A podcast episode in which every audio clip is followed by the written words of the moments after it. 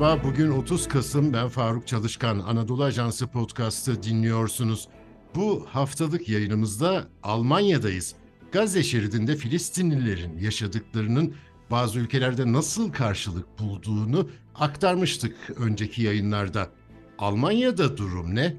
Berlin büromuzdan Cüneyt Karadağ'a katıldığı için teşekkür ediyorum.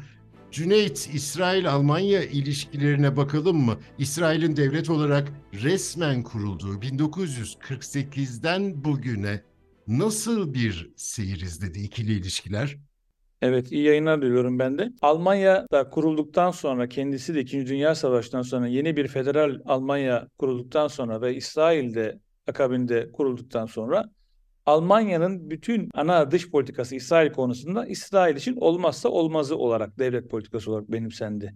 Yani bunu en son Merkel dile getirmişti. Bu Merkel'den sonra daha çok bir kalıp oldu. Almanya İsrail'in varoluşu Almanya için bir devlet meselesidir diye sürekli bu vurgulanır oldu. En son hükümet lideri Olaf Scholz da bunu söyledi. Yani Almanya 1948'den bu yana İsrail'in yaptığı her adıma olumlu baktı.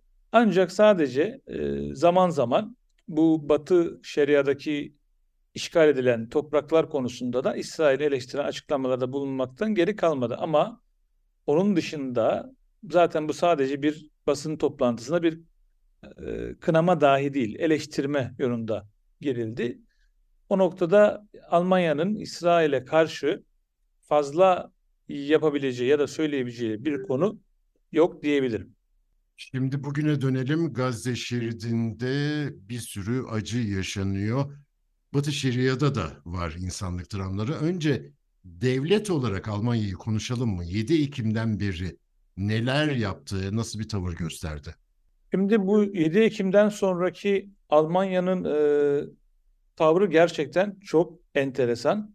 Şöyle ki Almanya bir kere 7 Ekim'deki e, olaydan sonra e, tamamen yönünü İsrail lehine çevirerek ve burada tamamen İsrail konusunda kendini angaja ederek bir politika belirledi. Ve burada çok keskin bir politika belirledi. Şu anda Almanya'da ifade hürriyeti, fikir hürriyeti İsrail konusunda rafa kaldırılmış durumda. Özellikle İsrail aleyhine, İsrail'i eleştiren, İsrail aleyhine bir tek e, sosyal medyada tweet atan herkes eleştiri bombardımana tutuldu, toplumdan dışlandı.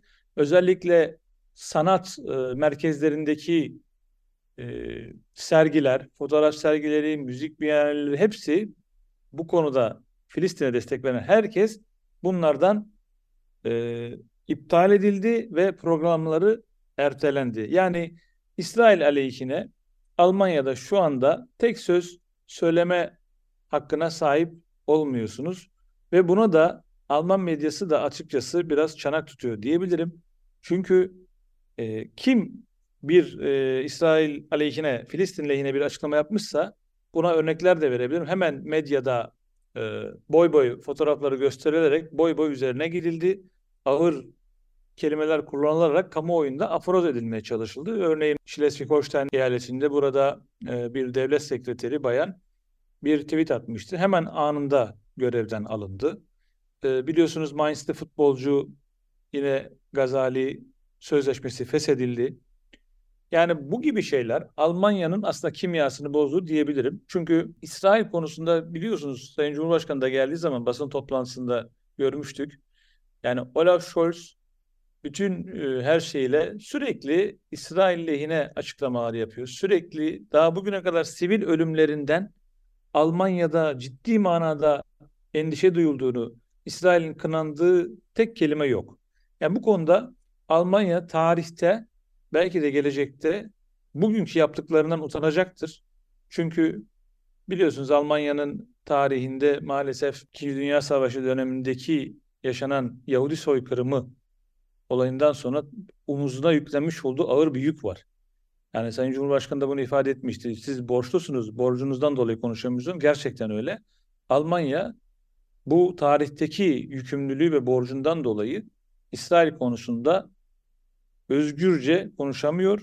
Adeta elleri kelepçelenmiş, ağzı bantlanmış şekilde e, Filistin'le yine tek kelime edemiyor. Müesses nizamdan bahsediyorsun. Evet. E, bir futbolcu, bir e, bürokrat veya e, bir e, akademisyen bir şey söylediklerinde hemen üstüne gidiyorlar. Evet. Peki sokak gösterileri ne durumda? Orada neler oluyor? O da e, çok ilginç. 7 Ekim olaylarından hemen ertesi günlerinde düzenlenen e, Filistin yanlısı gösterilerin çoğu yasaklandı. Bunlar gerekçe olarak işte anti-Yahudi, antisemitist olarak veya toplum kamuoyunu düzenini bozucu olarak gösterilerek yasaklanmaya başlandı. Burada şu güne kadar 100-110 tane e, gösterinin yasaklandığını söyleyebilirim. Ancak ondan sonra e, İsrail'in Gazze saldırılarının artık korkunç boyutlara ulaşmasının ardından kamuoyunun alttan gelen tepkilerden sonra da yavaş yavaş gösterilere izin verilmeye başlandı. Hem İsrail yanlısı gösterilere izin veriliyor hem de e, Filistin yanlısı gösteriler ama Filistin yanlısı gösterilerin e, dediğim gibi bunu e, önce 100 tanesi yasaklandı ve e, bunun e, gösterilere katılanların 3000 kadar kişi hakkında da soruşturma açılmıştı.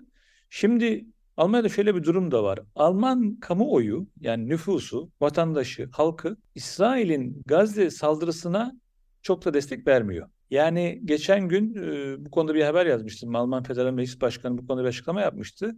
Yapılan bir kamuoyu araştırmasında Alman kamuoyunun İsrail'i yeterince desteklemediği, hatta bu saldırılardan endişe ettiği ortaya çıkmıştı.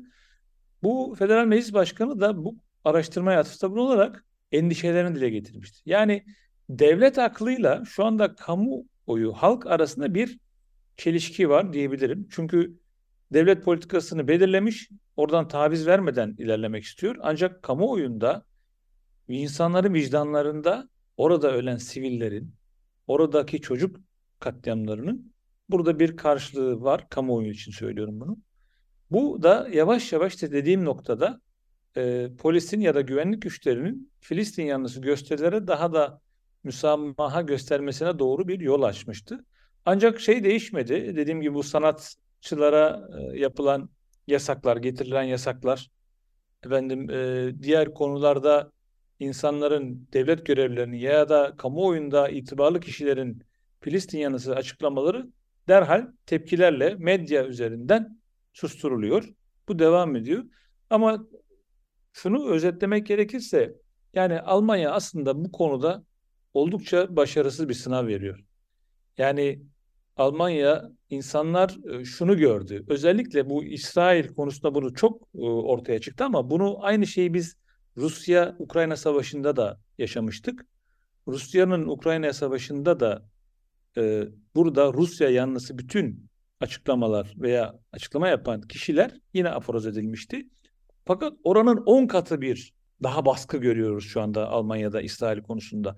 Yani atılan tweetler, yaptığınız açıklamalar, televizyon programındaki konular yani o kadar çok. Mesela e, bir örnek vereyim. E, geçen gün Alman birinci kanalı haberlerinde esir rehine takasını konu edinirken bunu Alman yazılı medyası özellikle Bild gazetesi mesela nasıl böyle dersiniz? Oradaki Filistinliler esir değil. Onlar zaten suçluydu. Hemen bunu düzeltin diye böyle bir e, tavırla bir haber yaptı ve Alman birinci kanalı geri adım atarak bunu öyle değiştirdi. Yani o kadar çok e, şu anda medyada ve devlet üzerinde bir kamuoyu baskısı var ki gerçekten bunlar Almanya gibi Avrupa Birliği'nin e, insan hakları konusunda lokomotif olması gereken ülkede fikir hürriyeti konusunda oldukça başarısız bir sınav veriyor. Bu konuda sınıfta kalıyor diyebilirim. İnsan hakları örgütleri, sivil toplum kuruluşları, hukukçular, bütün bunların aslında Avrupa Birliği'nin kuruluş ilkelerine, etik değerlerine aykırı olduğunu söylemiyor mu? Hiç bu konuda bir ses çıkaran var mı? Maalesef, maalesef üzülerek söyleyeceğim. O bile çok cılız, çok aşırı cılız dışında hiçbir ses yok. Özellikle mesela bilinen bir şeydir. Almanların ünlü filozofu vardır Habermas diye. Onlar dahi bakın yani bu insanlar hani bu toplumun aydın insanları olarak bilinen ülkede insanlar bile İsrail kırmızı çizgimizdir diyorlar. Yani bu konuda bizim aleyhte söz söylemeye tek yetkimiz ve hakkımız yok diyorlar. Bunu baştan kabullenmişler. Yani baştan pes etmişler. O noktada o yüzden maalesef üzülerek söylüyorum. Yani ben 20 yıldır bu ülkede yaşıyorum. İlk kez ben de bu kadar Almanya'nın bir konuda çok fazla angaja olduğunu ve ifade özgürlüğünün rafa kalktığını görüyorum. Yani bu bizim kendi çocuklarımızın geleceği için de burada bir sıkıntı. Yani hem bir ülkelere ders vermeye kalkıyorsunuz insan hakları konusunda ama kendi devlet politikanızda yeri geldiğinde bunu rafa kaldırabiliyorsunuz. Bu Almanya'nın maalesef bir çifte standardı hoş olmayan bir tarafı diye e, yorumlayabilirim bunda. Berlin'den Cüneyt Karadağ'a çok teşekkür ediyorum. Bizi hangi mecrada dinliyorsanız orada abone olmayı lütfen unutmayın. Hoşçakalın. Oh,